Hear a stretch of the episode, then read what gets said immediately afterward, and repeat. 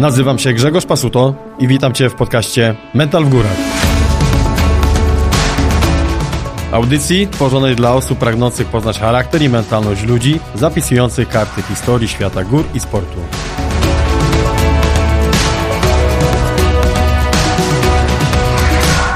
Dzisiaj Mateusz Grabis. Od 2017 roku kolarz zawodowej drużyny Woster ATS Team, która ma w swoich szeregach m.in. mistrza Polski w kolas Maćka Paterskiego.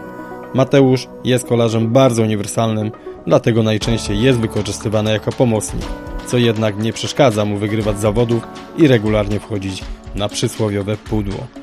Osoba niezwykle skromna o bogatej wiedzy kolarskiej. Tej części Mateusz opowie Wam, jak zaczęła się jego przygoda z kolarstwem oraz wpuści nas nieco w zawodowy peleton. Wiem, że wielu z Was, panie i panowie, jest miłośnikami sportu wytrzymałościowych. Dlatego Mateusz w następnych częściach będzie dzielił się swoją wiedzą kolarską stricte pod kątem treningowym.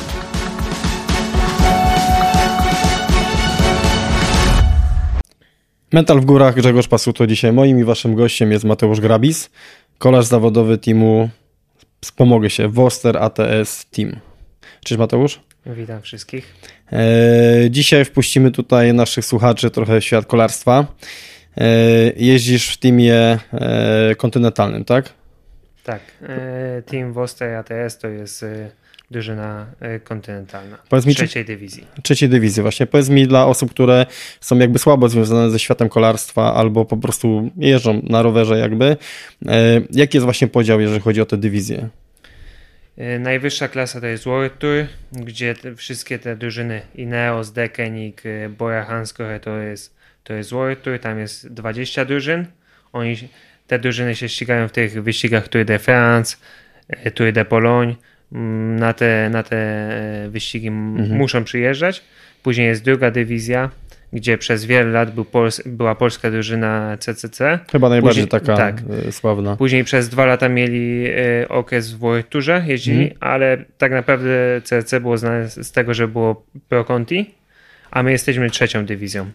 Przez, no teraz w Polsce są tylko dwie, dwie Mhm. drużyny zawodowe w- i na poziomie właśnie trzeciej dywizji. To oczywiście wiąże się z e, bardzo dużym nakładem finansowym, jeżeli chodzi o kolarstwo. Tak, e, e, krok dalej tam do, do Pro Conti to już jest duży przeskok finansowy, a World Tour to już jest Czyli można No. powiedzieć, że e, przykładowo dana drużyna mogłaby mieć e, zapas e, też jakby odpowiednich zawodników, natomiast też ograniczenia finansowe, które, które są, uniemożliwiają przykładowo przejście dywizję wyżej.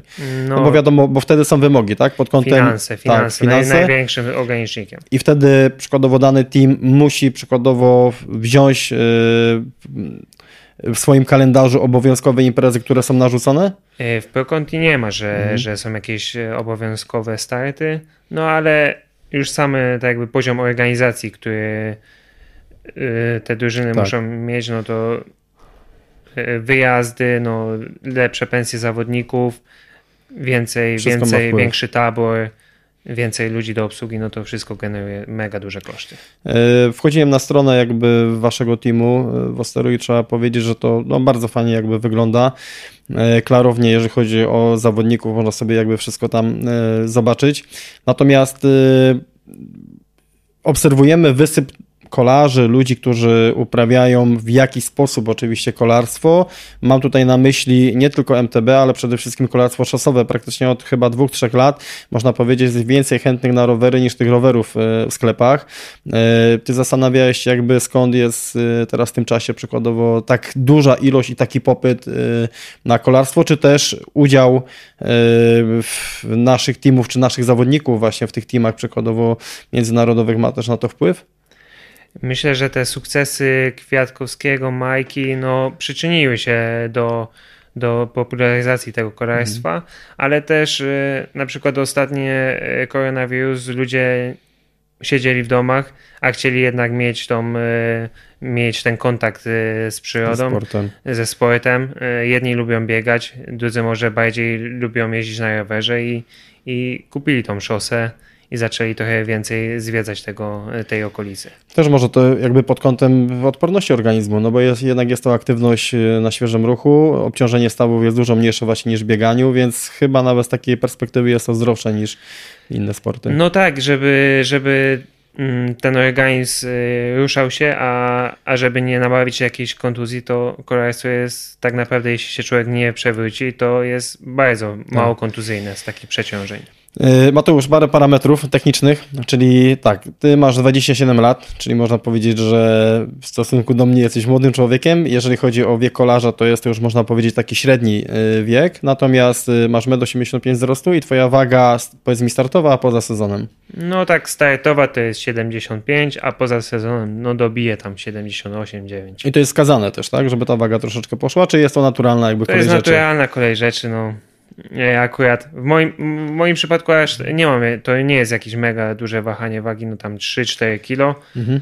bo niektórzy to Puszczają wodze fantazji bardziej. potrafi, potrafi e, człowiek nawet 8-6 kilo przytyć, ale to też później się po tym roztrenowaniu wchodzi w reżim treningowy i te szyb, pierwsze kilogramy szybko lecą w dół. Tu jeszcze tak woli wyjaśnienia e, osobom, które nas, na, nas oglądają bądź e, słuchają, to chciałbym jakby wytłumaczyć, e, dlaczego akurat Mateusz Ciebie zaprosiłem, bo ja akurat jeżdżę też na ustawki kolarskie, na kilku ustawkach kolarskich pojawiłeś się, widziałem Cię niestety tylko przez chwilę i głównie to były plecy, także nie ukrywam, że jakby dla mnie, dla osoby, która jeździ na, na rowerze, przy okazji oczywiście też biega, po górach spina się, jest jakby aktywna fizycznie jakby w, na innych płaszczyznach, na pewno trening z lepszymi jest jakby dużym y, dla mnie takim bodźcem treningowym. Jestem dużo bardziej zmotywowany wtedy na dobry trening. Y, dodatkowo z tego co wiem i co też wyczytałem na stronie, ale też przeglądając jakby twoją historię, to jesteś takim zawodnikiem, można powiedzieć, bardzo wszechstronnym, czyli ty odnajdujesz się tak naprawdę na wielu pozycjach.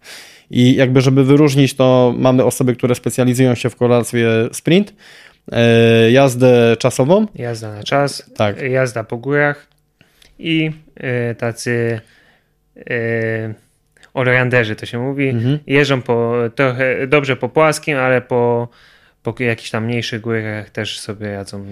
A osoby, y, takie wyścigi typu Paryż-Roubaix, y, to są znowu jakby To oddzielna jest, to kategoria? już jest bardzo specyficzni Mhm. kolarze, ale to są raczej kolarze, którzy dobrze jeżdżą na popłaskim, dobrze Mhm. walczą gdzieś tam na, wia- na wietrze i przy okazji y, też ten jazda po bryłku im nie przeszkadza, Nie przeszkadza. i Ona jest To- też chyba bardzo techniczna i ciężka. Tak. Nie? E, powiedz mi, jak to się, e, w którym momencie ty wiedziałeś, że jesteś właśnie takim zawodnikiem wszechstronnym, który potrafi też pojechać dosyć dobrze w górach? Nie mówimy tu oczywiście o podjazdach typowo alpejskich 20 km, ale na dosyć, że tak powiem, polskie realia, to sobie jakby bardzo dobrze radzisz. W którym momencie jakby ty wiedziałeś, że e, masz te cechy takiego uniwersalnego kolarza? No może to wynikało z tego, że od, e, jak, od za, e, początku mojej Mhm. przygody z, z rowerem, no nie skupiałem się tylko na stricte na szosie, tylko też jeździłem przełaje, jeździłem MTB i te, te e, dyscypliny obok szosy e, też pomogły, żeby, żeby człowiek był taki bardziej wszechstronny. A e, skoro już nawiązałeś właśnie do tej kwestii przeszłościowej, powiedz mi, ile miałeś lat, gdy po raz pierwszy wsiadłeś na szosę? Czy to było tak jak w moim wypadku, że tata szedł z tyłu z y, tak zwanym kijem i po prostu prowadził, czy, czy to No, było inaczej? Na szosę. Na Ogólnie na rower, Na na rower, rower. nie, tak. na rower, no to tak, Tak? no to od, jak tylko się dało, no to jeździłem na tym rowerze i, i od o dwóch kółkach zacząłem jeździć. Zacząłeś, jak, jak tak. zepsułem, y, jak zepsułem, wjechałem w rodziców dwa razy i, i tata mi złamał kółka i trzeba było już jeździć na dwóch. A Po nie- złości, po a nie złości już cztery, A nie już nie, nie cztery. I później cały czas jeździłem Tak? na rowerze. Ale był taki moment, że rodzice mówili, kurde, że on coś tam za dużo na tym rowerze jedzie. Czy to była jakby normalna aktywność, która była jakby wpisana w dzieciństwo i jakby... To y, gdzieś tam, no jeździłem na rowerze, Mhm. tata mnie często był, często. Jak gdzieś zauważył y, tutaj wyścig gdzieś w okolicy MTB, no bo y, miałem Tak. pierwszego jakiegoś tam górala i na tym góralu gdzieś zacząłem jakieś tu okoliczne wyścigi startować. Później przez y, cztery- 3-4 lata y, tak naprawdę zacząłem trenować triatlon. To w triatlonie w pierwszym klubie byłem Mhm. y, w TKKF Dąbrowa Górnicza. I tam, tam trenowałem, ale ten rower zawsze mi najlepiej szedł. Aha, czyli tak naprawdę ty wcześniej troszeczkę jeździłeś na rowerze, natomiast takie szlify, można powiedzieć, w cudzysłowie oczywiście zawodnicze, były pod kątem triatlonu, tak? Pierwsze zawody tak mhm. cyklicznie startowałem triatlon. No bo jesteś dosyć wysokim zawodnikiem, jakby ten y, Powiedzmy, że zasięg twoich ramion jakby jest dosyć mocny, więc w pływaniu chyba też nie było najgorzej. Pływanie było naj, najgorsze. Najgorsze? Moje, tak, najgorsze byłem w pływaniu, najlepszy na rowerze, a bieganie zawsze coś Aha, się tam pobiegło. Przy okazji. Tak. Ile trenowałeś triatlon? 3-4 lata. No to już tak dosyć, dosyć. I powiedz no. mi, w jakim wieku zacząłeś ten triatlon? Połowie podstawówki. Połowie podstawówki. Końcówka, pod, e, końcówka podstawówki. No. Czyli można powiedzieć, że taką personalizację miałeś dosyć szybko, bo nie, był, nie była to szkoła średnia, tylko nie, była to nie, szkoła nie. podstawowa. To, to od, od zawsze tam mhm. na WF-ie e, byłeś widziany. Byłem, byłem pierwszy na wszystkie zawody, czy tam biegi przełajowe, czy właśnie na, najbardziej na biegi przełajowe, mhm. no to mhm. zawsze byłem a powiedz, czy y, rodzice w jakiś sposób cię popychali do tego, czy ty byłeś takim dzieckiem, że sam automatycznie chciałeś wszędzie być, czy też rodzice jakby wrzucali cię i, i, i jakby umożliwiali ci występ gdzieś tam na jakichś zawodach? Na początku to było na pewno duża zasługa mojego taty, mhm. bo on, on mnie woził na, na wszystkie te zawody. Gdzieś tam jak y, znalazł jakąś informację, czy to wyścig właśnie MTB, czy triatlon, no to, to z nim jeździł. A tata jeździł na rowerze? Nie, tata, Nie po prostu.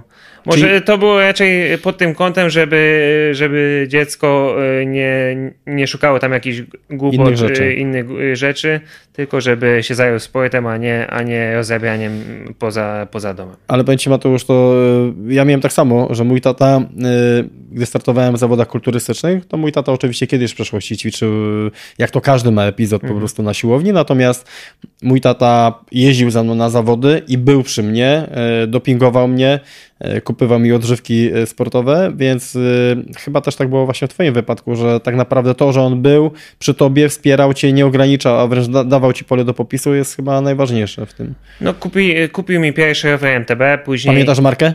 O, Merida. Merida. Merida. Okay. Jeszcze, 570. Jeszcze na 26, prawda? Tak, tak, tak, tak nie, tak, no to no. na żadnych no, 29 to dopiero nowość. To dopiero jeździli na tym, w Eurosporcie na tym jeździli dopiero. Tak. Nie, no, no to... Jak się, jak się czułeś właśnie, no bo to już był pierwszy twój rower e, i dziś tam zacząłeś już jeździć, e, no bo tak, mówiłeś o triatlonie. Czy ten triatlon też robiłeś na rowerze MTB? E, to już było tak jakby, już miałem szosę, mhm. to tam jakaś pierwsza, pierwszą szosę to był taki rower trekkingowy z kołami szosowymi. To, była, to był mój pierwszy szybki Czyli rower. nie było jeszcze kierownicy baranka? Nie, nie, nie, nie na prostej kierownicy, na takim rowerze pierwsze jakieś tam zawody w triatlonie, czy nawet y, na wyścigu w psach, no bo to Aha. ten wyścig też od, od pierwszego od pierwszego y, cykl, no, mhm. edycji startowałem i, i, już chyba na drugim czy na trzecim mój, mój brat wygrał, dost, wygrał jako nagrodę na, z losowania mhm. ten rower autora trekkingowy tata znalazł koła szosowe i na tym rowerze długo jeździł. A to twój brat też rozumie, że Młodszy, tak, tak, też no, też startował wyścig, bo... Ale przeszło mu. Długo jeździł. Długo jeździł. Ale tam powiedzmy, że do, od Orlika już e, przestał jeździć i Powiedz na tych czasach, e, w których startowałeś, to, że byłeś na rowerze trekkingowym, to było taką normą, czy czułeś się trochę w strefie w cudzysłowie zmian, tudzież na wyścigu czułeś się troszeczkę tak jak, wiesz, uboższy krewny? Myślę, że na tych wyścigach, co ja startowałem, tak? to może nie miałem najlepszego roweru, ale e, to była klasa średnia. Tych Czyli to też tak, tak zwane, można powiedzieć, zawody o pietruchę. Tak, tak, tak. To nie były żadne tam poważne zawody. Ale przecież nie ukrywajmy, w świecie amatorów każde zawody o pietruchę są najważniejsze. No, no na pewno i to były dla mnie mistrzostwa świata co, co roku tak. wyścig w psarach. Okej, okay, powiedz mi o swoim pierwszym właśnie wyścigu w psarach. Ile wtedy miałeś lat? Bo to była, tak jak mówisz, podstawówka, czy to już chodzić do szkoły średniej? No dalej... Yy... Myślę, że gdzieś około 12-13 lat. 12-13 lat. To, to, to, już, to już pozwolili ci startować? Bo to, e, to był wyścig dla dzieci. No, aha, to, to, nie był główny. Czyli mniejszy to, dystans? To nie był tak. wyścig główny tam na rondzie tej 17-kilometrowej wtedy był, tylko to pierwszy wyścig był w Malinowicach koło szkoły mhm. i tam startowaliśmy, nie pamiętam, Trzy, trzy kilometry tak pod góreczkę się tam ciągło i... I tak ci te górki zostały. Tak. A pamiętasz swoje takie wrażenie? Bo pewnie przebiegu nie pamiętasz, ale takie wrażenie swoje po tej, po tej jeździe. No, no byłem z, mega tam ucieszony. No, chyba wygrałem albo byłem tak? drugi. Już to już nie pamiętam, to z panem Zbyszkiem Stanikiem by trzeba e, konsultować, konsultować, bo to z jego synem zawsze się ścigaliśmy Aha. tam, walczyliśmy o te pierwsze pozycje i albo już on pierwszy wygrał, albo ja. To był twój kolega? Tak. Czyli tak jak się mówi, twój najlepszy kolega to jest twój na ulicy największy wróg. e, czyli chwyciłeś bakcylę, tak? Tak. E, Okej. Okay. Co się potem wydarzyło po tym pierwszym wyścigu? Czy dalej sobie jakby startowałeś e, w tych zawodach i czułeś, że to jest coś fajnego? No bo z tych kolarskich jakby potem poszedłeś sobie w triatlon. Gdzieś tam okazjonalnie mhm. startowałem te wyścigi e, te, na tych wyścigach mhm. na, na rowerze, ale może nie, że nie było klubu, ale akurat gdzieś tutaj tata Uciekło, znalazł, znalazł ten triatlon w Dąbrowie, no i zacząłem jeździć zimą na basen. Tak. Tam y, w szkole w TZN-ie dwa razy w tygodniu chodziliśmy na basen. Później, później y, jak się lato zaczęło, to i na Pogorii pływanie, bieganie e, e, po Parku Zielonej. Pogoria to tak wytłumaczymy osobom, które jak nie wiedzą, co to jest Pogoria. Pogoria to jest zbiornik wodny, wokół którego jest pętla 6 km. Ogólnie można powiedzieć, że na chwilę obecną najbardziej lasiarskie miejsce w okolicy, gdzie w niedzielę zrobić trening biegowy jest bardzo, bardzo trudno, już nie powiem o przemieszczaniu się rowerem. E, natomiast bardzo fajne miejsce jakby treningowe. Powiedz mi, jeżeli chodzi o triatlon, mhm. mile wspominasz ten czas? On coś ci, jakby czy ten triatlon wniósł coś przykładowo w kwestie kolarskie, czy bardziej uczył cię pewnego rodzaju rywalizacji? Bardzo miło wspominam, to, to tam jeździliśmy, dużo jeździliśmy mm. na zawody do Czech. Te zawody były tam, to były takie fajne, może nie były to jakieś wielkie zawody, ale, ale zawsze na tych zawodach było mega fajna atmosfera i, i rywalizacja zawsze była. Ale trzeba powiedzieć, że też w Czechach rywalizacja kolarska jest bardzo duża. Ja odnoszę wrażenie, że wręcz y, poziom kolarzy czeskich y, jest, bym powiedział, troszkę lepszy niż u nas. Nie wiem, czy się zgodzisz. No lejemy ich. Leje... Lejemy ich? Lejemy. Czyli jednak my, tak? No raczej tak. Czyli... Polacy są, ale to pod względem skali, no to Czesi są lepsi, no bo tak. to jest o wiele mniejszy naród, a, a ma powiedzmy, że troszkę tylko mniej tych mhm. kolarzy takich na no topowym no poziomie.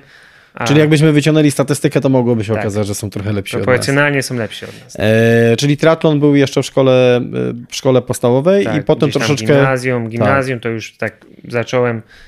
Pojechałem na jedna jeden, jeden wyścig MTB, drugi wyścig MTB na Górce na Sioduli i tam prezes Ryszard Bujak e, z Sosnowca, z klubu mm -hmm. Zagłębie, Zagłębie Sosnowiec, z grupy koreańskiej Sosnowca e, już mnie tam raz, raz namawiał, żebym przyszedł rok wcześniej, później drugi raz tam z chłopakami wygrałem, no i, i wyszło, że tak naprawdę na ostatni wyścig w Młodziku jeszcze star już startowałem e, w, e, w Sosnowcu, w Barbach Czyli, czyli zdradzałeś tak naprawdę wcześniej już e, takie predyspozycje, że, no, że dobrze znosisz trening, że na tym jakby poziomie, na którym są inni, to ty jesteś troszeczkę o krok do przodu. Tak, chociaż tam ja te stricte nie mhm. trenowałem tylko roweru, tylko wszystko e, się bawiłem, to, to przyjechałem na zawody, nawet tam nie miałem butów MTB, ale z chłopakami walczyłem. Tak. Do dzisiaj są takie przypadki, że niektórzy e, czegoś zapomną i się okazuje, że w normalnych butach bez SPD kręcą te same moce niż, niż na tym. Dokładnie. Dobra, napijmy się łyżka wody. Okej, okay, kontynuujemy kwestię triatlonu. Już będziemy tak powolutku jakby z tym triatlonem kończyć, natomiast on mi troszeczkę jest bliski, bo ja też mam w swoim dobytku starty triatlonowe na dłuższych dystansach, e, więc tak jak powiedziałeś, nigdy startując nie lubiłem takich młodzików, którzy wybiegają przede mną, no ale widać to jest jakby nieuniknione. Czy, czyli tak, triatlon też już miałeś pod opieką trenera? Miałeś tam już rozpisywane tak, jakieś tak, plany? Tak. W triatlonie no, miałem hmm. trenera no, który nas prowadził, to był pan Janusz Kornes i on no, wszystko koordynował. Aha. I pływanie, i jazdę na rowerze, i bieganie. Czy miałeś wtedy ewidentnie też progresy? W sensie, można powiedzieć, że cokolwiek byś nie robił, to i tak byłby progres, bo jak organizm jest do tego predysponowany, to idzie. Natomiast widziałeś jakby też tę metodykę i że to idzie w dobrym kierunku? Pewnie, tak, tak. Jak na basenie, no, z roku na rok człowiek tam lepiej pływał. Na rowerze też. Tak. Y, też jest częsty problem, że w wieku juniora y, ten organizm jest zajeżdżany. Może by tak było, gdybyś strenował tylko kolarstwo, to mogłoby się okazać, że potem nie byłoby z czego już urabiać. No tak naprawdę to mogę no, podziękować, bo i mój trener Miłosz Bujak, który mnie mhm. prowadził w Sosnowcu, czy tam właśnie w triatlonie, to, to był jeszcze za młody, myślę, że żeby tam powiedzieć o jakimś zajeżdżaniu, ale już jak trenowałem stricte e, rower, no to w Sosnowcu było to tak mądrze prowadzone, że, że nie byliśmy tam zajeżdżani, że nie było jakiejś tam walki o punkty, mhm. bo w tych juniorskich, junior, w juniorze młodszym, w juniorze, no to jest główny sens y, istnienia tych klubów no to są punkty z, z Olimpiad Młodzieży, z jakichś pucharów Polski. A junior młodszy, powiedz mi, to jest jaki przedział wieku? Junior młodszy. Tak pi razy oko. E, myślę, że 14-15, bo później jest junior, to ma chyba 16-17, coś takiego. E, od w którym momencie przestałeś trenować triatlon i wiedziałeś, że idziesz w kolarstwo? Czy to było twój zamierzony cel, czy tak naprawdę można powiedzieć, tak wyszło? Tak wyszło, ale to od jak, e, jak e, bawiłem się w triatlon, trenowałem triatlon, no to no widziałem, że rower to jest Mocno. najlepszy. Zawsze na zawodach gdzieś tam z pływania wychodziłem powiedzmy w środku stawki. Mhm. Na rowerze udało mi się przegonić wszystkich. Gdzieś tam dojechałem, dojechałem drugi, trzeci na tą zmianę na bieg i później biegać już biegłem równo z tymi wszystkim. Czyli miałeś w sensie takim, że no wiek 14 lat, ty już widzisz, że wyprzedzasz jakby osoby, które są w twoim przedziale wiekowym, nawet osoby starsze nawet. i widzisz, że na tym rowerze dobrze ci idzie. idzie czyli, tak, czyli tak. teraz, czy można powiedzieć, że ty w jakiś sposób jesteś do tego predysponowany? No bo nie było przecież wtedy jakiegoś treningu siłowego ukierunkowanego na siłę, na moc. Y. No myślę, że, że na pewno byłem do tego no. do roweru najbardziej predysponowany z tych wszystkich trzech dyscyplin. Czyli jednak po części... I, i lubiłem, no i lubiłem, najbardziej Aha. lubiłem rower. Czyli rób to, co lubisz. Tak. E, czyli można powiedzieć też, że jedno, predyspozycje genetyczne, które prawdopodobnie masz, bo tak jak mówisz, bez jakiegoś mocnego treningu objeżdżałeś tych gości, mhm. e, po drugie, mentalnie lubiłeś wychodzić na rower, więc to dawało to ci jakąś frajdę i chyba też ten ogólnorozwój, który, który wcześniej miałeś, miał pewnie tam jakiś wpływ tak, na to. Tak, ja byłem i tam w piłkę czy, y, grałem, czy tam w koszykówkę, no każdy sport, każdy sport uprawiałem, a, a dzięki temu, że to, że to byłem zawsze y, chudy, wysportowany. I... Okej, okay, czyli rower na poważnie od kiedy? Od, y, to, to tak naprawdę od pierwszego roku juniora młodszego. Czyli są kategorie mhm. junior młodszy, później jest junior, Orlik, Orlik to młodzieżowiec mhm. do 23 lat i później z Orlika już się przechodzi do elity. Czyli... Orlik startuje razem z elitą. Już y, jeżdżą wszystkie prawie wyścigi z elitą. Okej, okay, czyli co 15 lat i przechodzisz typowo na kolarstwo już tak. przechodzisz do konkretnego klubu, tak? tak? Do, do klubu. Jakie, powiedz mi, jak wyglądało zmiana treningowa z triatlonu na kolarstwo? No, zacząłem, zacząłem trenować y, więcej jeździć na tym rowerze. Dostałem y, pierwszy jakiś tam rower szosowy. Jaki, rower, to był, jaki to był rower? Rower szosowy już miałem właśnie na, w triatlonie od tenera Corenesa. Pierwszy dostałem, to była taka jeszcze szosówka z biegami tutaj przy jamie. Tutaj się przełączało. Tak, Czyli na, na, na, styk tak naprawdę. Mhm. A już y, pierwszą szosę dostałem z Sosnowca i to była Jakiś EJP Pawlak, to się na takie, takie, ten z PZK z Polskiego Związku Kolarskiego. No, ale już coś dali, prawda? Tak, tak, tak. To, to były pierwsze, a później, a później najczęściej to były maidy. Powiedz, czy był to dla ciebie też taki przeskok, że no wchodzisz na grę, masz trenera, znaczy inaczej, w nie już miałeś trenera, więc to nie było dla ciebie nowością, natomiast e, jak wtedy nakręcałeś się też, jeżeli chodzi o głowę? Czy oglądałeś transmisję e, jakichś wyproturów?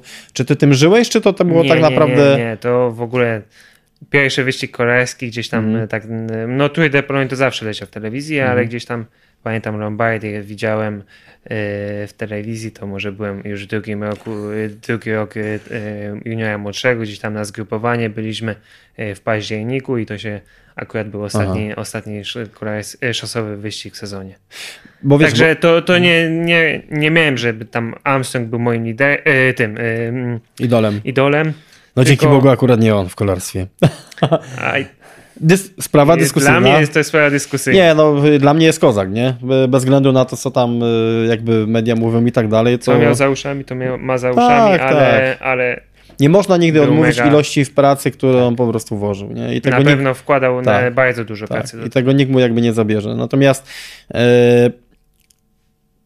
Czyli, bo, wiesz, bo teraz jest sprawa ułatwiona. Ktoś odpala YouTube'a, y, ładuje się, tak jak ja przykładowo wchodzę na trenażer, y, wrzucam sobie jakieś fajne filmiki z Tour de France, to tam leci, ale też nie, ukry, nie ukrywajmy, że osoby młode mogą się posiłkować dosyć mocno tym zewnętrznym czynnikiem medialnym, mhm. bo tego jest wszędzie tak, i tego tak, jest tak, jakby tak. w brud. Natomiast u ciebie to było tak, że ty praktycznie na to nie patrzyłeś i Przyszedł... samego zamiłowania do sportu tak naprawdę Przyszedłem do, do klubu, no i byli w tym y, razem w moim wieku było kilku kolegów i mhm. razem jeździliśmy na te treningi, razem byliśmy paczką i to e, e, nakręcaliśmy się. Rywalizacja wewnątrz e, w klubie, no i później No na właśnie, zawodach. jak ta rywalizacja wewnątrz? Było tak, że trzymaliście, wszyscy znaliście się i mieliście dobry ze sobą kontakt, a jednak mimo wszystko iść ta rywalizacja była cały czas. Pewnie, to, za, to z- zawsze jest rywalizacja. No. Czy tam e, starszemu, starszemu koledze do, próbować dorównać, czy, czy ten, co na przykład Mhm. jeździł lepiej po górach, żeby tam jednak udowodnić mu, że ja też umiem jeździć po górach. No. Widziałeś już, i była już w tamtym wieku personalizacja, czyli że było wiadomo, że ten będzie miał większe predyspozycje w góry? Tak, Było. tak, tak, tak. Czyli w wieku 15 lat tam już- Ja, ja wiedziałem, że na, aż taki dobry po górach nie jestem, jak Mhm. na przykład mój kolega Marcin Bijak. No Aha. to e, po nim było od razu widać, że po górach jeździ najlepiej. I co z Marcinem teraz? Marcin y, jest, y, pracuje teraz y, w firmach, jest tam doradcą finansowym. Aha, czyli zarzucił kolarstwo. Tak. Ale jeździ, jeździ, Ale jeździ. jeszcze czasami na Grodziec przyjeżdża. Czyli, e, czyli wiadomo, że jeżeli osoba już można w wieku 14, bo wcześniej to można badania nawet zrobić, e, zrobić tak zwaną, jak to się mówi, biopsję mięśnia Tak, i, i tak, wiesz, tak, tak. kto już jest do czego predysponowany. ma włókna Oczywiście. kursiwa, a. Natomiast wtedy to było bardziej na czuja i na zasadzie obserwacji. Tak. Czyli ty już na tym poziomie wiedziałeś i przez trenerów byłeś kierunkowany, że jesteś zawodnikiem bardziej wszechstronnym. Trenowaliśmy wszystko, Mhm. trenowaliśmy wszystko, ponieważ no, wyścigi w, tym, w, w ty- tych niższych kategoriach, no po prostu musi być dzieciak silny, żeby, Żeby przeżył. żeby, żeby walczyć na wyścigu. Jak jest silny, to jeździ dobrze po górach i walczy gdzieś tam na finiszu, na płaskim wyścigu. Okej, e, no i co? No jeździłeś jakby w tym pierwszym klubie, jak powiedz mi potoczyły się twoje jakby dalsze etapy? Czy ty miałeś już ukierunkowane, że chcesz jeździć, w, wiadomo, coraz to lepiej, ale e, na wyższym poziomie w sensie jakiejś drużynie właśnie kontynentalnej? Czy to jeszcze było odległe marzenie? To jeszcze było, myślę, że odległe marzenie. Po prostu jeździliśmy wyścigi szosowe. Najwięcej w klubie Mhm. jeździ... Kiedyś y, może w Sosnowcu więcej jeździli na MTB, Mhm. ale już tak y, trener Miłosz, no bo z trenerem y, od zawsze byliśmy Mhm. na ty. Miłosz jednak bardziej za, zaczął jeździć na, na szosę Okej. i zaczęliśmy Ale jaki był, twój, jaki był twój cel wtedy? Trenując, czy twoim celem było, nie wiem, zdobycie mistrzostwa Polski w młodzikach, czy przykładowo zdobywanie jakiejś tam y, punktacji w wyścigach? Na szosie, na szosie była duża konkurencja i na szosie nie byłem aż tak dobry. Mhm. E, Powiedzmy, byłem średnim zawodnikiem, ale zimą, jak przechodziły przełaje, to na przełajach się dobrze czułem i w tym już juniorze to starałem się walczyć o, o, o podium, o podium mistrzostw Polski. Jazda przełajowa jest y, takim, można powiedzieć, y, cięższą odmianą kolarstwa, no bo tak, trudniejsza technicznie, to na pewno, dużo cięższe warunki, y, nie ma tego ciepła, to co sobie kojarzymy, że kolarz, prawda, wyjeżdża do Hiszpanii na obóz, no teraz jest, można powiedzieć, sezon przełajowy, ty nie startujesz teraz w przełajach już na tym poziomie? Nie, już no, ta szosa jednak to jest Zdominowała. królowa tego kolarstwa i no, czy- chcę, chcę dobrze jeździć na, na szosie, chociaż e, tak naprawdę może to jakbym gdzieś e, miał e, sobie zorganizował Mhm. lepsze zaplecze, to czasami te wyścigi przełajowe też fajnie jest No bo- postartować, żeby przeciągnąć ten sezon Tak. albo, albo żeby tą zimę też przepracować trochę na, na Zresztą są nawet zawodnicy z proturów, którzy startują pewnie. właśnie w przełajach i tam trzeba powiedzieć, że koszą rywalizację. Nawet mój kolega z klubu, Patryk Tak? Stosz, też teraz odpoczywa trochę, ale zacznie. zacznie Czyli jako bodziec treningowy. Tak. W którym momencie te kolarstwo zaczęło być twoim momentem na zarabianie? Takim momentem na życie, bo no nie ukrywajmy, nie da się być kolarzem, nie mieć z tego jakiegoś y, dochodu, który by zapewniał chociażby normalne funkcjonowanie, więc no w pewnym momencie swojego życia musiałeś na coś postawić. Czyli musiało iść za tym pasja i musiało iść za tym jakieś y, oczywiście gratyfikacja fi- finansowa. No to, żeby mieć takie pieniądze, no to myślę, że od, dopiero od Wostera. Jak Mhm. zacząłem jeździć w Wosterze, to wtedy. I to był 2017 rok. Tak. Y, Wcześniej muciłeś wszystkich tu na tych ustawkach kolarskich? No to za, zawsze, zawsze. Nie, no zawsze. No jak y, powiedzmy, jak przyjeżdżaliśmy z kolegami tam z Sosnowca w juniorze, no to już to już było mało, mało chłopaków, kto by nam tam dawał radę. No, że z którym, z którym byśmy przegrali. Mhm. W tych dwóch poprzednich klubach, których jeździłeś, czyli to był Weltur i Chrobry Głogów, e, tam też oczywiście był trener, też na pewno było pełne jakby zaplecze, natomiast powiedz mi, czy widzisz różnicę pomiędzy e, momentem, w którym wszedłeś w Oster, który jest, można powiedzieć, na poziomie już profesjonalnym, a pomiędzy e, tamtymi teamami? Pewnie, no bo zacząłem jeździć e, dużo lepsze wyścigi, zacząłem się ścigać mhm. E, regularnie i, i to ściganie plus jeszcze współpraca z trenerem, to, to od razu było widać efekty. A starałeś się o to, żeby dostać się do Wostera, czy to oni się odezwali do ciebie? Chodzi mi o, wiesz, że trenujesz, jeździsz przykładowo w jakimś teamie i ty wiesz, że no chciałbyś mieć lepiej, no nie ukrywajmy. Czujesz, że wyniki idą gdzieś do góry, więc chciałbyś mieć lepiej. Czy to były też twoje starania, czy tak naprawdę Wtedy, gdzieś tam ktoś się dowiedział i trafiłeś do Wosteru? Akurat wtedy na, na jakby na polskim podwórku hmm. było cztery chyba ekipy kontynentalne, w tym jeszcze CC Pro Conti w Ostrej jeszcze nie było, mhm. bo w Ostrej tak jakby był y, grupą amatorską. Tak. Nawet moi koledzy tam wtedy jeździli, a ja jeździłem y, w Głogowie. I Krzysiek Parma zaczął y, z Mariuszem Witeckim tak poszli do prezesa i, i zaczęli organizować grupę zawodową. Bo Krzysiek chyba był też pomysłodawcą tak, po tak, części tak. tego właśnie, o czym mówisz. Krzysiek jeździł wcześniej tak. w tej amatorskiej grupie i, i sobie zam, zamarzył, że, że chce mieć grupę profesjonalną. Mhm. No i wtedy akurat było tak, że ja nawet nie wiedziałem do końca, że, że będzie ta grupa, tylko gdzieś tam próbowałem się dobić do, do, innych, do innych e, ekip, a tutaj sam Krzysiek do mnie zadzwonił i mi zaproponował współpracę. Powiedz mi, jak się czułeś właśnie w tym pierwszym roku, gdy trafiłeś do tego teamu?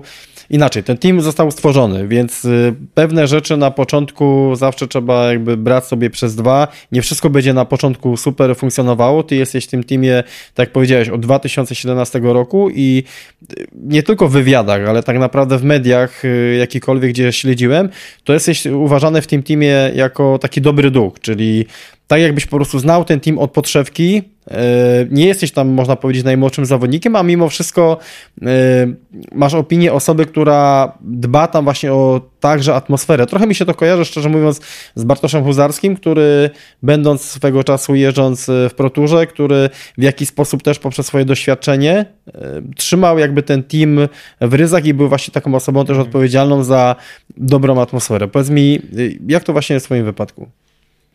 Może jeszcze e, o tym, jak e, mhm. z, w pierwszym roku mhm. po, po przyjściu do, do klubu, no to tam e, przeskok był duży.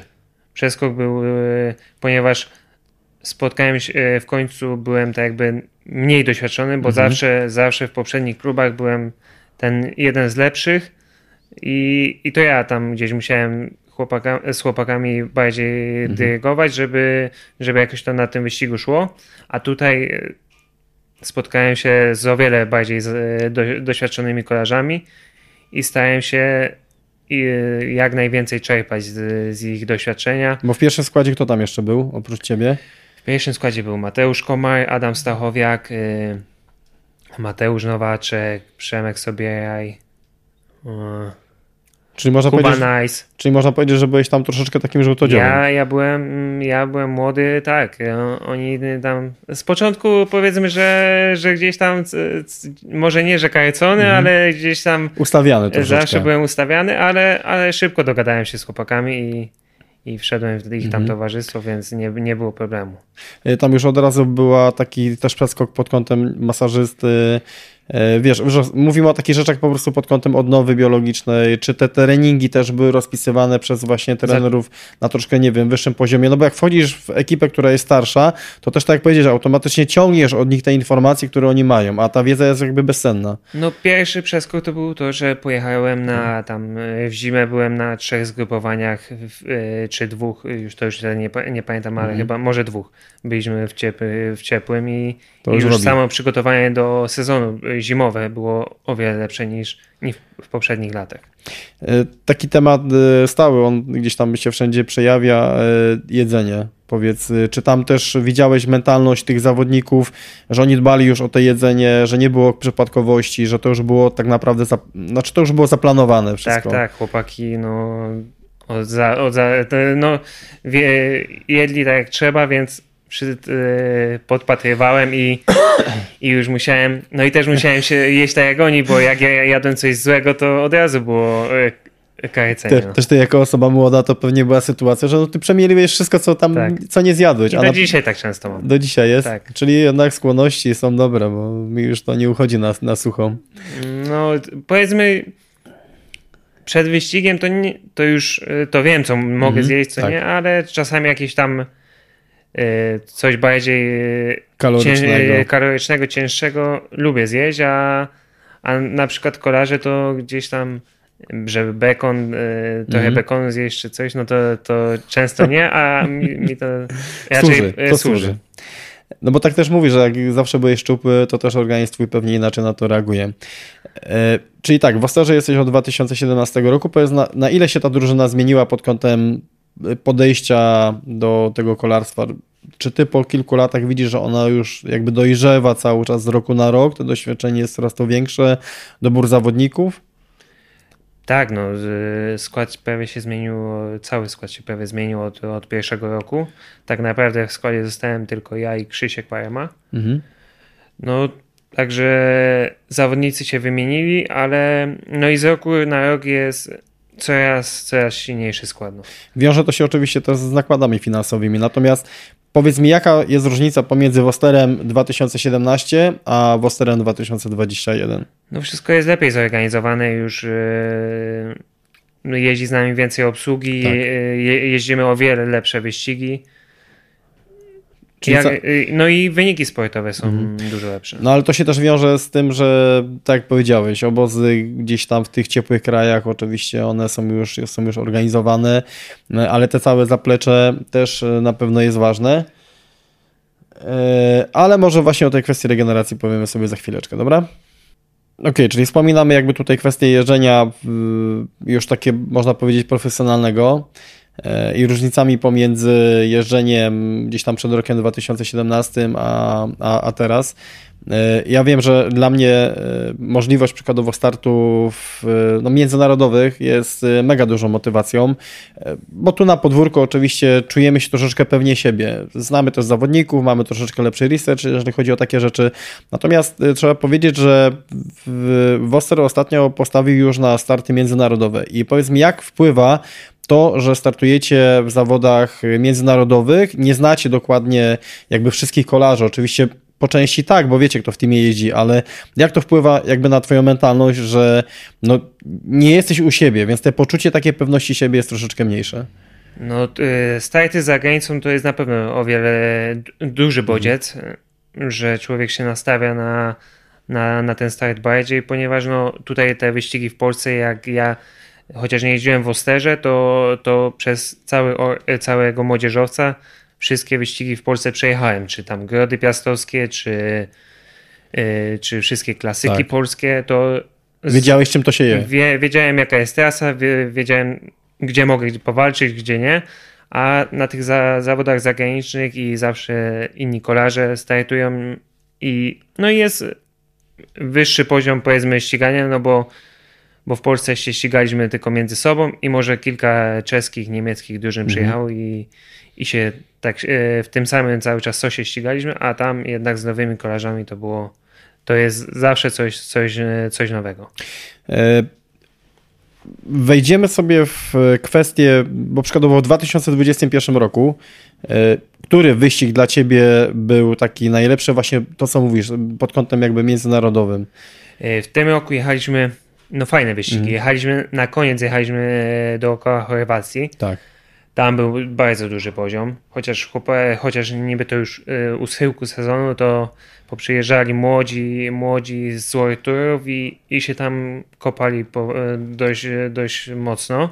Mhm. Y, to ten wyścig był ciężki, ale też y, w maju jechaliśmy dookoła Węgier. Ma, maj, no to wiadomo, to jest taki, można to powiedzieć dla was... To tak. jest y, taki, już na, jesteśmy w sezonie I Czyli tam już noga musi tak, podawać. tam było. E, dobrze.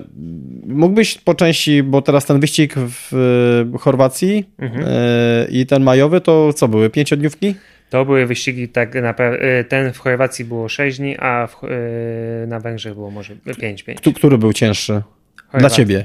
Chorwacja, ponieważ to już był dla mnie koniec sezonu i już nie byłem w takiej optymalnej formie. Okej, to bo już byłeś tak mówisz. względem, po, tak. Mhm. Ale może tempo było trochę wyższe na, na Węgrzech. Natomiast to, to powiedzmy w takim razie, bo w Węgrzech y, czułeś się, że noga jest. E, Był to twój pierwszy start y, po sezonie, czy wcześniej było jakieś przetarcie nogi już tu w Polsce? Nie, nie, no to już y, to byłem powiedzmy po, po 10, po 15 wyścigach. No. No to już mocno. Czyli ile... Zaczę, zaczęliśmy w tym sezonie starty na Chorwacji. Mhm. Y, By, z początku marca tam byliśmy na zgrupowaniu i tak jakby na, podczas tego zgrupowania było trzy, były trzy klasyki Mhm. i w drugim tygodniu była etapówka trzydniowa. Czyli trzy klasyki, czyli Tak. dla uściślenia informacji, jednodniowe wyścigi. Jednodniowe wyścigi. E, I potem, tak jak mówisz, no to w sumie idealnie to jakby skonstruowane, prawda? Bo nie jest od razu... Zgrupowanie tak. w, w, lepszych warunkach połączone już z, z pierwszymi przetarciami. Okej, powiedz nam coś o tym wyścigu w Węgrzech. Chciałbym, żebyś powiedział, miałeś tam styczność oczywiście z innymi teamami, z którymi wcześniej nie mieliście możliwości ścigać się w Polsce. Jakie to przykładowo na tobie, jako już doświadczonemu zawodnikowi, jakie to było wrażenie, że nie wiem, ja przykładowo osobiście ogólnie jaram się takimi rzeczami, że wiesz, a ci mają tu takie rowery, a ci tu taki sprzęt, po prostu zawsze te rzeczy dla mnie jako dla osoby, która, nie wiem, wspinam się, to przykładowo podpatruję sobie, kto ma jaki sprzęt, a jak on się zachowuje, e, jak ten team przykładowo ogólnie działa, wiesz, to są takie jakby dla mnie informacje, które też w jakiś sposób pobudzają mnie do działania, bo często jest tak, że na linii startu czuję się w cudzysłowie oczywiście troszeczkę gorszy, uboższy, no na mecie okazuje się, że ci niektórzy, Że którzy walczyć. dokładnie, którzy powinni być jakby przede mną, są za mną, nie? więc jakby sprzęt to wiadomo nie wszystko. Powiedz mi e, taką kolejność w tamtym tego wyścigu, czyli jak była ustawiona trasa, jak ty to widziałeś właśnie oczami zawodnika, e, czy macie też jako, jako team jakieś rytuały przykładowo przed startem?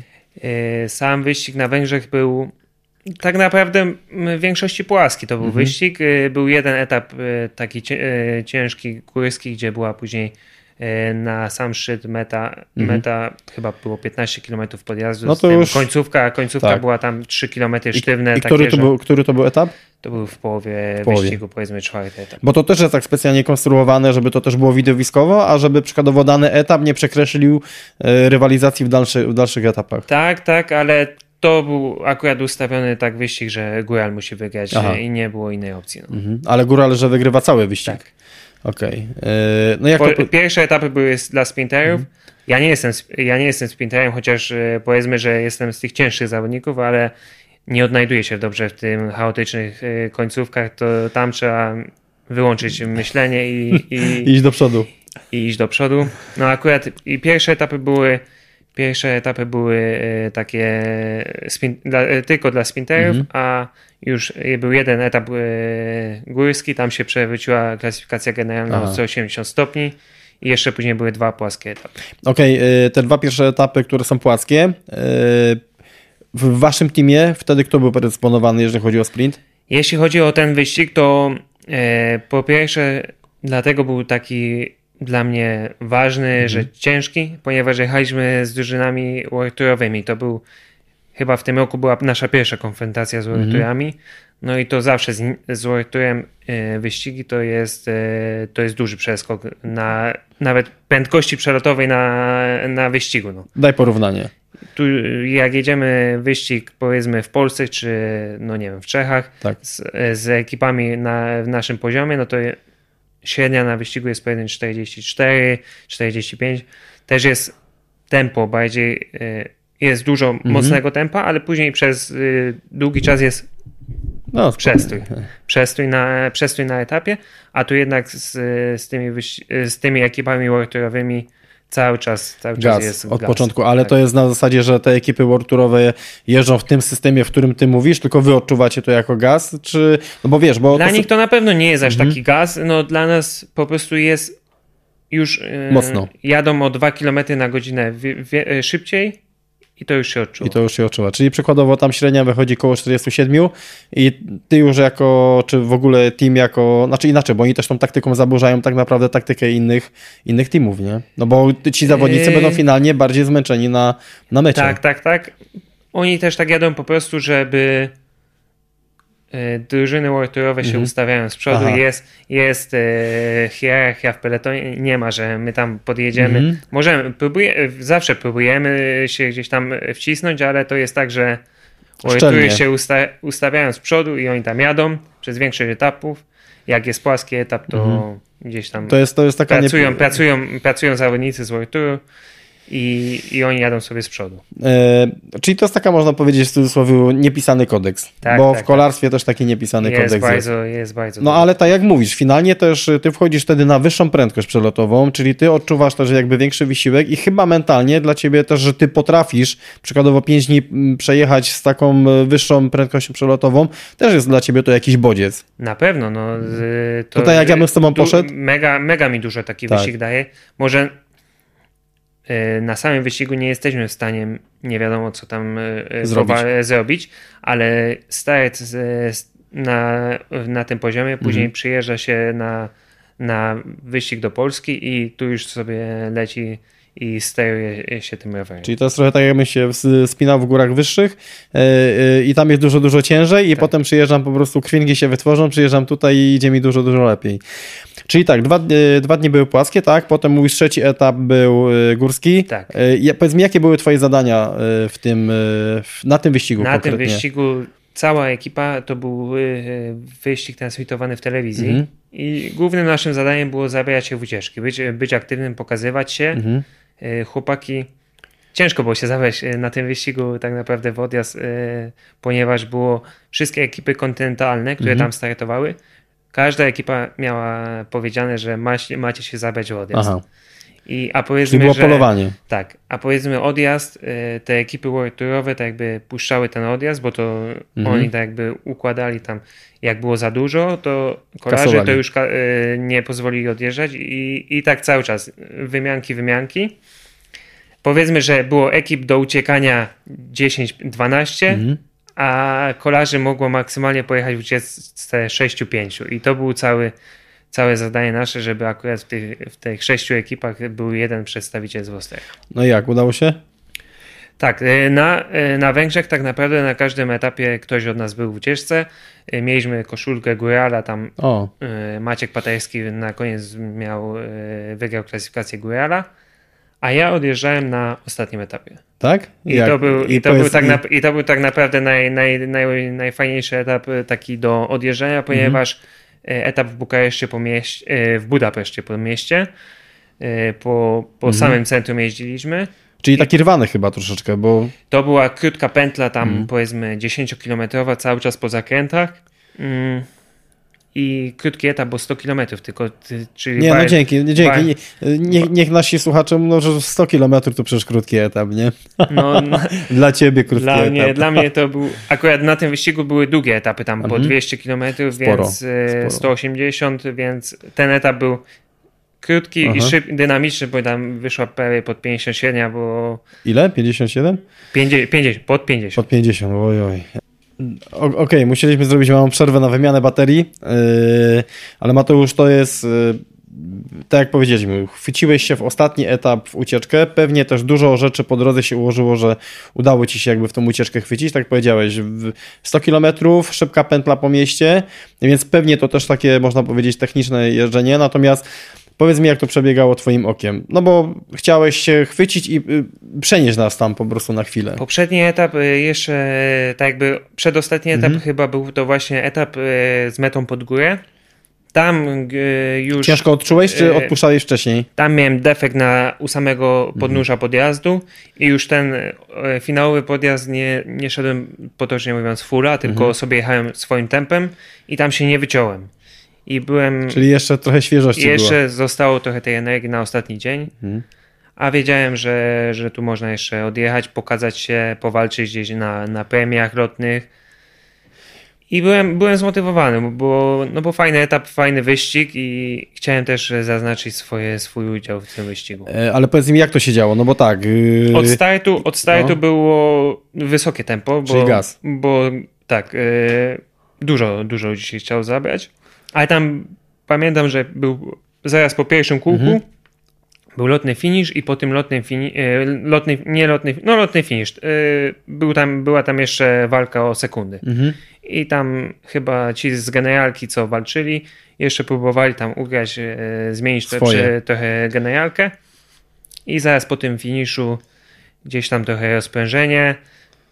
I, Ale przechodziłeś i, do przodu właśnie jak oni tak, zrobili ten lotny finish, czyli ogólnie, co ty? Ogólnie cały czas, jeśli ma się mhm. zadanie e, zabrać ucieczkę, no to nie ma, że się jeździ z tyłu. Mhm. Czyli jeździsz, cały czas gdzieś tam się rozpychasz, jeździsz, żeby Jeździsz cały czas z przodu mhm. peletonu, mhm. prze, prze, przechodzisz z jednego koła na, na drugie. Czy, próbujesz, czy... próbujesz. To nie jest tak, że tak.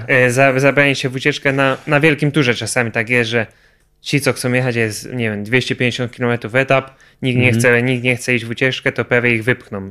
Aha. Ale, no bo coś się musi dziać. Tak, bo, coś, bo ktoś musi uciekać. Ale tak. jednak e, na takich wyścigach to nie jest e, to nie jest tak, że, mhm. że jedzie kto chce, tylko jest mega długo, dużo akcji, zanim ucieczka pojedzie. A przechodziłeś z kimś jakby do przodu, czy to już było typowo, że solowo się ustawiałeś tu na jednym kole, na drugim? Y Raczej, raczej sam, mhm. po prostu y, koledzy z drużyny wymienialiśmy się mhm. w jedną akcję. Jeden idzie w drugą, drugi i tak na, na przemian. Aha, okay. Bo w, w, ten sposób najłatwiej jest się zabrać ucieczkę. Dobrze. A... Samemu, jest, samemu jest ciężko. No tak, no tak. Yy, który był moment, że czułeś, dobra, idę, bo, bo widziałeś, że coś się musiało zacząć dziać, yy, czyli ktoś jakby przed tobą, czy tam gdzieś troszeczkę wcześniej... No gdzieś tam ktoś po, mhm. Yy, skoczył, ja chyba na trzeciego doskoczyłem, doskoczyłem do tej mhm. już odjeżdżającej grupki, jeszcze dwóch kolarzy się z nami zabrało i i chyba jeszcze kraksa była w zakręcie. Aha, i czyli to pomogło. Tak. Czyli to pomogło też. E, jak jedziesz w ucieczce, już ogólnie, jak jedziesz w ucieczce, to patrzysz, e, jacy kolarze z tobą jadą? W sensie... Tak, tak. No. W, ucieczce, e, w ucieczce trzeba patrzeć, z kim się odjeżdża i później jaki jest teren, żeby, żeby ten, kto odjeżdża, żeby cię tam nie zajwał, czy mhm. żebyś, żebyś miał, y, trzeba tak kalkulować siły, żeby... Czyli żeby... można powiedzieć, że też nie do końca opłaca się w każdą ucieczkę zabierać, no bo jeżeli przykładowo tam nie będą zawodnicy, którzy będą chcieli pracować... Oczywiście, no, to, to y, układ w ucieczce jest bardzo ważny. Taktyka, no to jest taktyka, to są no. szachy, szachy i tak. to jest bardzo, bardzo no, rozległy temat. E, Okej, okay, to za, zakończymy ten Budapeszt, czyli udało ci się chwycić w ucieczce. E, chwycili was na którym kilometrze? Nas chyba doścignęli na ostatniej rundzie, to na było ostatniej na rundzie. Czyli 8, widow... kilo, 8 km do końca. No Czyli widowiskowo. 10. Tak. Mocno się wyprułeś na tym etapie? No już do końca, to już był ostatni etap, więc trzeba było iść e, wszystko, co fabryka da, miała. No a możesz powiedzieć, yy, jaka tam wyszła średnia na wyścigu i mniej więcej jaka moc ci wyszła? Kurde, mocy nie będę, nie, ale myślę, że tam około NP yy, Normalized Power był z tego etapu gdzieś z 372 no. 360. No tak. No MP wychodzi. Czułeś, czułeś. Normalized Power, te, te waty Aha. znormalizowane zawsze wychodzą. Ilu was było w ucieczce? Chyba 6, 5. Chyba 6. No to też taka ekipa, że tam. To, było, to jest, jeśli wszyscy współpracują, chyba. to jest najlepszy układ do, mhm. do odjazdu, bo wszyscy idą równo i, i jest czas na odpoczynek, jest, nie, nie daje się jakichś mega mhm. długich zmian i ta współpraca jest dobra. Jako team y, byliście zadowoleni po tym wyścigu w Węgrzech? Tak, bo pokazaliśmy się na każdym etapie. Mhm Maciek zdobył koszulkę Górala, a jeszcze Paweł Cieślik na etapie tym górskim tam wjechał chyba piąty czy siódmy i w generalce skończył siódmy, więc na takim dużym wyścigu mhm. z Worturami siódmy w generalce to fajne. To jest mocno. Mm, jeżeli można jakby cię też e, o coś takiego zapytać, no bo co to są dni wyścigowe? Bo Zauważyłem, że dni wyścigowe jakby są niezwykle ważne, jeżeli chodzi o kolarzy, bo jeżeli wiadomo też mało mamy, bo wy głównie formę robicie tak na wyścigach chyba. Tak.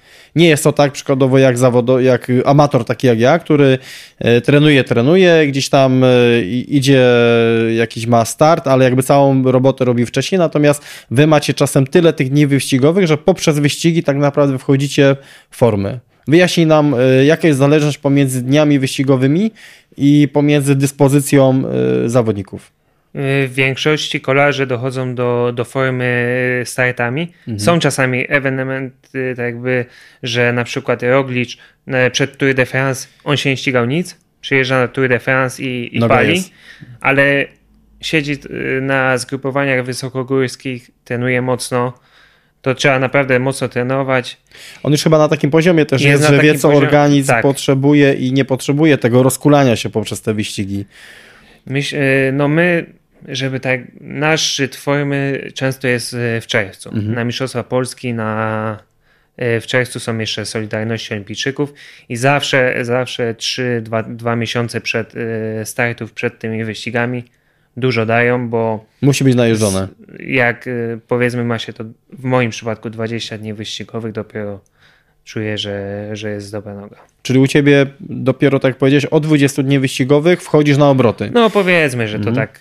I tak jak powiedziałeś, wcześniej są to z reguły takie wyścigi jednodniowe, a dopiero potem to są jakieś trzydniówki, ewentualnie pięciodniówki. Oj, zależy. Najlepiej tak? do formy się dochodzi etapówkami. Etapówkami. Tak. Czyli pięciodniówki. Pięcio, cztero, sześciodniówki to zależy, ale etapówką kilka etapówek przejechać, to od razu po, tym, po tych wyścigach jest ale to jest, też, progres. to jest też na takiej zasadzie, że robisz tą etapówkę, robisz te 5 dni i wiadomo, tam idzie oczywiście gaz, potem jest oczywiście odpuszczenie. I czy jest przykładowo w sezonie, W sezonie mhm. na, początku, na początku sezonu jest tak, że po wyścigu się ten, mhm. E, jest e, jedna, dwie przejażdżki, spokojniejszy ten organizm, żeby doszedł. I trenuje się pomiędzy, pomiędzy wyścigami. Nie ma tak, że że, że jest y, luz, że się nie ma ćwiczeń. Już w drugiej części sezonu, jak już jest duże przeładowanie wyścigami, to często się jeździ same lżejsze treningi, żeby, żeby ten organizm starczyło mu tej energii do końca, do końca sezonu. Okej, okay, powiedziałeś, że y, Paterski jakby też tam się pokazał. Paterski w tym roku, z tego co wiem, ma tytuł mistrza Polski, dobrze tak. mówię.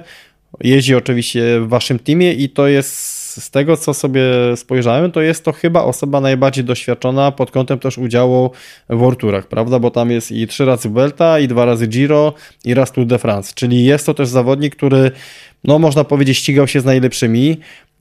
Powiedz mi, y, czy jego obecność w zespole też spowodowała, że wy troszeczkę zastaliście tych informacji, które są, można powiedzieć, poziom wyżej? Czy to jakiś wpłynęło też na zespół? Pewnie, Maciek to jest mega, mega e, kolarz. Mhm. E, profesjonalnie podchodzi w każdym aspekcie do, do kolarstwa i, i od niego można czerpać garściami e, tą wiedzę.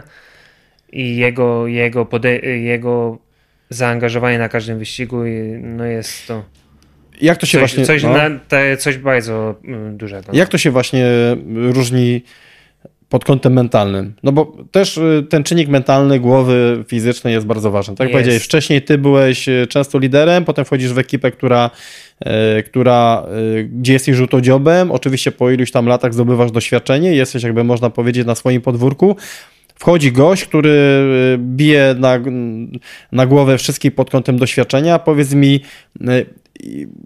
takie nie wiem, czy ty jakby masz pewnego rodzaju takie różnice, które ty widziałeś w nim jako zawodnik, y, jako że był zawodnikiem ProTouru i, i jakby co to można zastosować do, do, do tego poziomu niżej? No Maciek myślę, że on hmm. ma podejście takie, że z każdym można, z każdym można walczyć i chociaż hmm. jeździ się w tej trzeciej dywizji, to jeśli się jest zmotywowanym, jeśli chce się walczyć, to i, i z mistrzami świata można hmm. walczyć. Na, na, równi z równym. Czy, czyli jakby ta głowa jest Jest, jest w kolarstwie Bo Maciek tam jeździł, według... Maciek tam jeździł w, w CCC, prawda? Maciek jeździł e, wcześniej we włoskiej drużynie Liquid Gas i to tam przez, e, mhm. później to przeszło w Cannondale'a mhm. z Saganem. Jak Sagan, tak. Maciek Bodnaj, to, A, no tak. To oni razem od, od najmłodszych lat tak naprawdę w tym e, jeździli w tej włoskiej drużynie. Później przeszedł do CSC. Sprzedawał wam jakieś smaczki, które były w Proturze? Pewnie. No. Wpływał, no, no, no bo wy też... Myślę, poprzez... że akurat y, już mega jakichś y, dużo nowych rzeczy to mhm. nie usłyszałem, bo chociaż y, nie, nie jeździłem wcześniej mhm. z kolarzami, którzy byli w Wojturze, no to jednak gdzieś to od jednego do drugiego takie rzeczy się dochodzą. E, no bo wiesz, bo to tak jak jest dla mnie, jeżeli ja załóżmy byłem e, raz w Himalajach, no to za każdym razem jak moi znajomi przyjeżdżają, to się pytam, a co tam, a wiesz, a ten się z Bielecki, ma ten z Chmielarski, ma ten z Małkiem, więc dla mnie to są takie, takie smaczki, ja tu słuchaj, a to on tam miał, e, jaki tam szpej i tak dalej, wiesz, tak, to są tak, takie tak, rzeczy, tak, które tak. wpływają pozytywnie. Natomiast czy ty widzisz przeskok treningowy E, jeżeli chodzi o to przykładowo jak się trenuje to co Maciek mówił w Proturze, a przykładowo to co się e, trenuje właśnie tą dywizję niżej? Myślę, że oni tam jeszcze, jeszcze się więcej trenuje. Mhm. Tylko jest tak jakby nie trzeba się już na niczym innym skupiać, tylko tak. na już mega stricte na kolarstwie, gdzieś tam pomiędzy wyścigami, nawet w środku sezonu, jak trzeba to się jedzie na, do Livigno na mhm. zgrupowanie mhm. wysokogórskie. To jest, e, to, to jest robi robotę. Różnica, tak. To robi robotę. Czyli te zaplecze też regeneracyjne, tak, prawda? Tak, tak, to, tak. to jak patrzymy pod kątem, e, no Bartosz Huzarski, kiedy nie ukrywam, ja się wychowywałem troszeczkę na Bartku i e, ubolewam nad tym, że na chwilę obecną nikt nie przejął trochę tej jego roli, że nie wpuszcza kibiców w ten protur, w ten środek, nie? Że mhm. tutaj, a słuchajcie, dzisiaj jemy coś takiego, a tutaj mechanik myje koła i miałeś szansę jakby przez to wejść trochę być, poczuć się jakby bliżej, no bo to takie smaczki robią robotę. To sam przyznam, że nawet y, to y, Bajetek dużo na, wtedy na Facebooku, takie mhm. były live na Vuelcie, coś, to ja nie wiem, czy to jeździłem już tak, w Posterze, czy, czy jeszcze wcześniej, w, w poprzednich, to sam cieka z ciekawością tego słuchałem i, i, i dużo czerpałem z tego, y, z tych jego live'ów wiedzy. No bo tak mówimy, to są zawsze takie smaczki, to które trochę, trochę, trochę wprowadzają.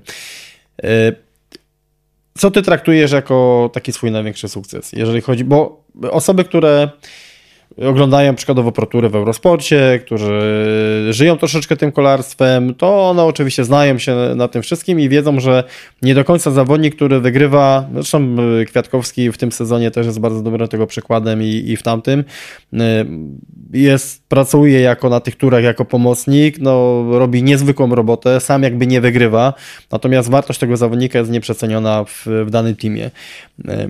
Więc ty nie jesteś zawodnikiem, który e, indywidualnie jest cały czas nastawiony na pojedyncze zwycięstwa, ty jesteś e, w kwestii pomocnikiem, czyli jeżeli jest okazja, to oczywiście uciekasz i działasz i, i robisz to, co potrafisz, natomiast e, twoim jednym z głównych zadań jest tak naprawdę chronienie lidera i przeprowadzanie go tak, żeby on bezpiecznie, żeby bezpiecznie dotarł do samego końca. Mhm. Więc powiedz mi pod takim swoim kątem, co jakby ciebie też motywuje do tego, żeby jakby cały czas działać. Dla nas oczywiście te cyferki są gdzieś tam ważne, natomiast E, no tak jak powiedziałeś, 27 lat, działasz, jesteś już doświadczonym zawodnikiem. Jakie powiedz mi są gdzieś tam twoje cele na, na przyszłość, jeżeli chodzi o kolarstwo?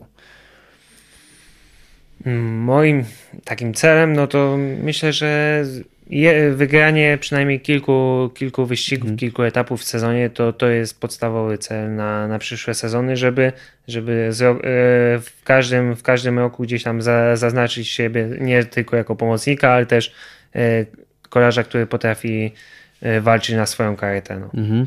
A jeśli chodzi o moje największe sukcesy, no to sam e, wygrałem e, wyścig UCI tam Memoriał Henryka Łasaka tak, tak. Suchej Beskidzkiej. Tak. I to był 2018 to, rok, tak. prawda? A w tym roku byłeś drugi, tak? W tym roku byłem mhm. drugi, jeszcze na Koronie Kocich Góry też to był wyścig UCI, byłem tak. drugi. Mm, w Rumunii na etapówce byłem trzeci.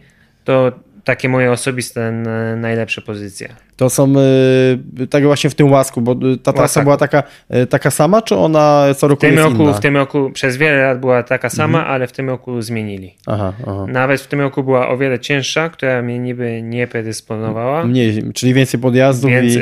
dłuższe góry, ale mhm. też akurat trafiłem na dobry dzień i, i starałem się wykorzystać do końca. No ale właśnie to jest możliwe, że trafiłeś na, do, na dobry dzień, wiesz, wiele rzeczy musi się poskładać, żeby coś tam wyszło, no, tak, no, ale, tak.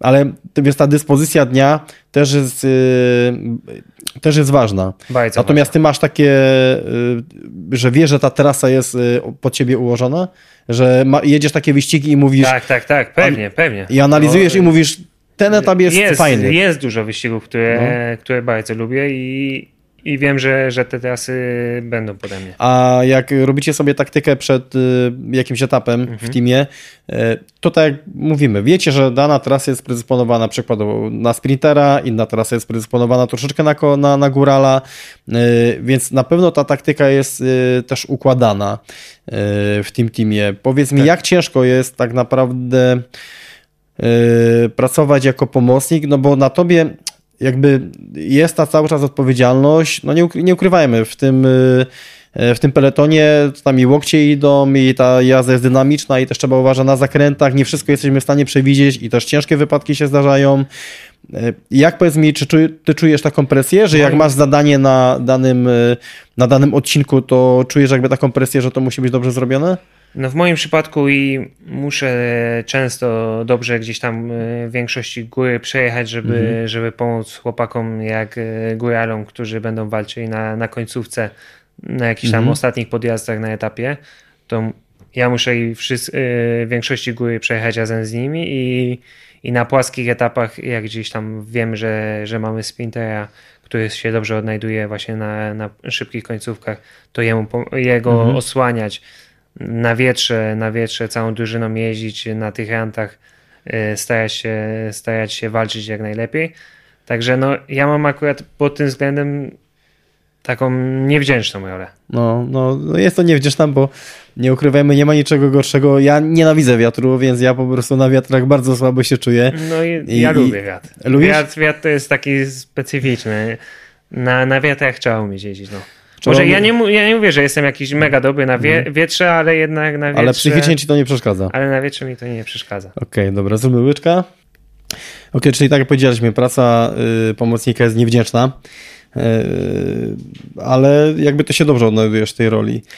Czyli następny sezon tak naprawdę też będzie y, pod tym kątem, tak? Jako, jako pomocnik. No na pewno, na pewno mamy kilku y, kolarzy, którzy są dobrzy i w sprincie i Maciek jest dobry tak naprawdę w każdym terenie, ale jest mega mocnym y, zawodnikiem niż Polski, także wiem, że w większości wyścigu będę pomagał. No. Bo wasz skład będzie troszeczkę zmieniony, jeżeli chodzi o 2022 rok?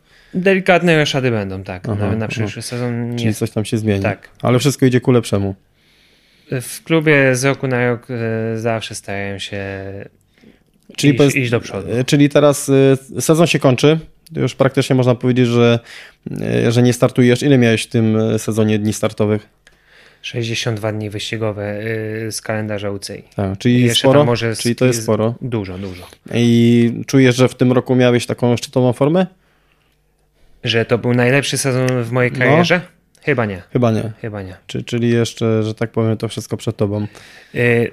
I przede mną i na, nie powiem, że w tym roku miałem tak jakby, mhm. nie wiem, dwa lata e, wcześniej czułem się, miałem jakiś tam okres, że mhm. byłem lepszy. No. E, powiedz mi teraz twoje treningi na czym się skupiają, bo jest można powiedzieć poza sezonem, czyli w tym momencie na czym się skupiasz? Już po roztrenowaniu, czy to Teraz jeszcze? cały miesiąc, e, cały, na początku października jechałem ostatni wyścig w Chorwacji. Mhm kończyliśmy Chorwację i po tej Chorwacji no cały październik jeździłem na rowerze. Jeździłem, już nie było to intensywny, intensywna jazda, lecz, lecz jeszcze treningi tam 3-4 godziny Aha. były takie. Ale to była szosa, czy to była MTB? Szosa, szosa. Aha. Chociaż na MTB też e, teraz już więcej wyjeżdżałem na MTB. Czyli yy, trenażer w twoim wypadku nie wchodzi w grę, czy jest to takie czasem... Nie no, teraz październik był cały ładny, więc A, no, nie, nie ma szans. No.